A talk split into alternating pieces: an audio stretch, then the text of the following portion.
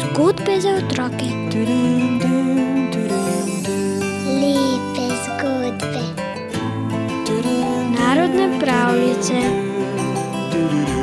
Bere nam jih Juri Sešer. Lepo pozdravljeni. Danes vam iz svetovne zakladnice pravljic prinašamo midraško zgodbo o soboti. Nekoč je živel kmet, ki je vsak dan noral svoja polja s plugom, v katerega je bila uprežena krava. Nekega dne je bil prisiljen svojo žival prodati in prodal jo je poganu, ki jo je upregal v svoj plug. Šest dni je krava potrpežljivo vlekla plug, kot je vedno počela. V soboto, ki je za jude sveti dan in dan počitka, pa ni hotela delati. Gospodar jo je tepel s palico, tako močno, da bolj ni mogel, pa ni nič zaleglo.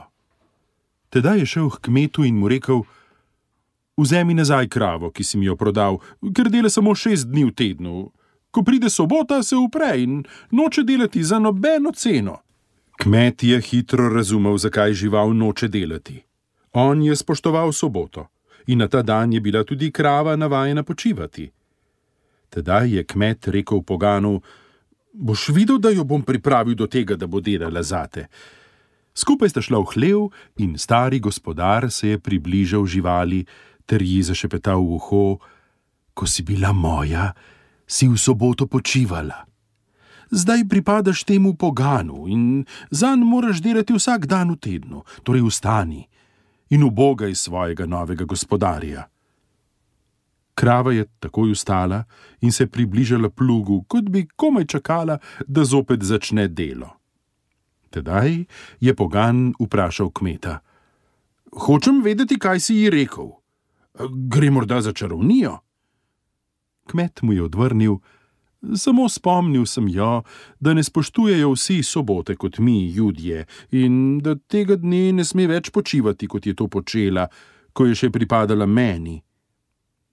Pogana je to zadelo v živo. Pomislil je, če, se žival, ki ni sposobna govoriti ali misliti, potrudi in počasti svojega stvarnika tako, da v soboto počiva, ja, zakaj tega ne bi storil tudi jaz, ki imam razum? Tako se je spreobrnil. Najprej je dolgo preučeval svete spise stare zaveze, imenovane Tora, in na to postal rabin.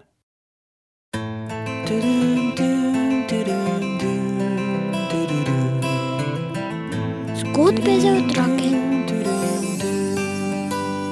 Lepe zgodbe.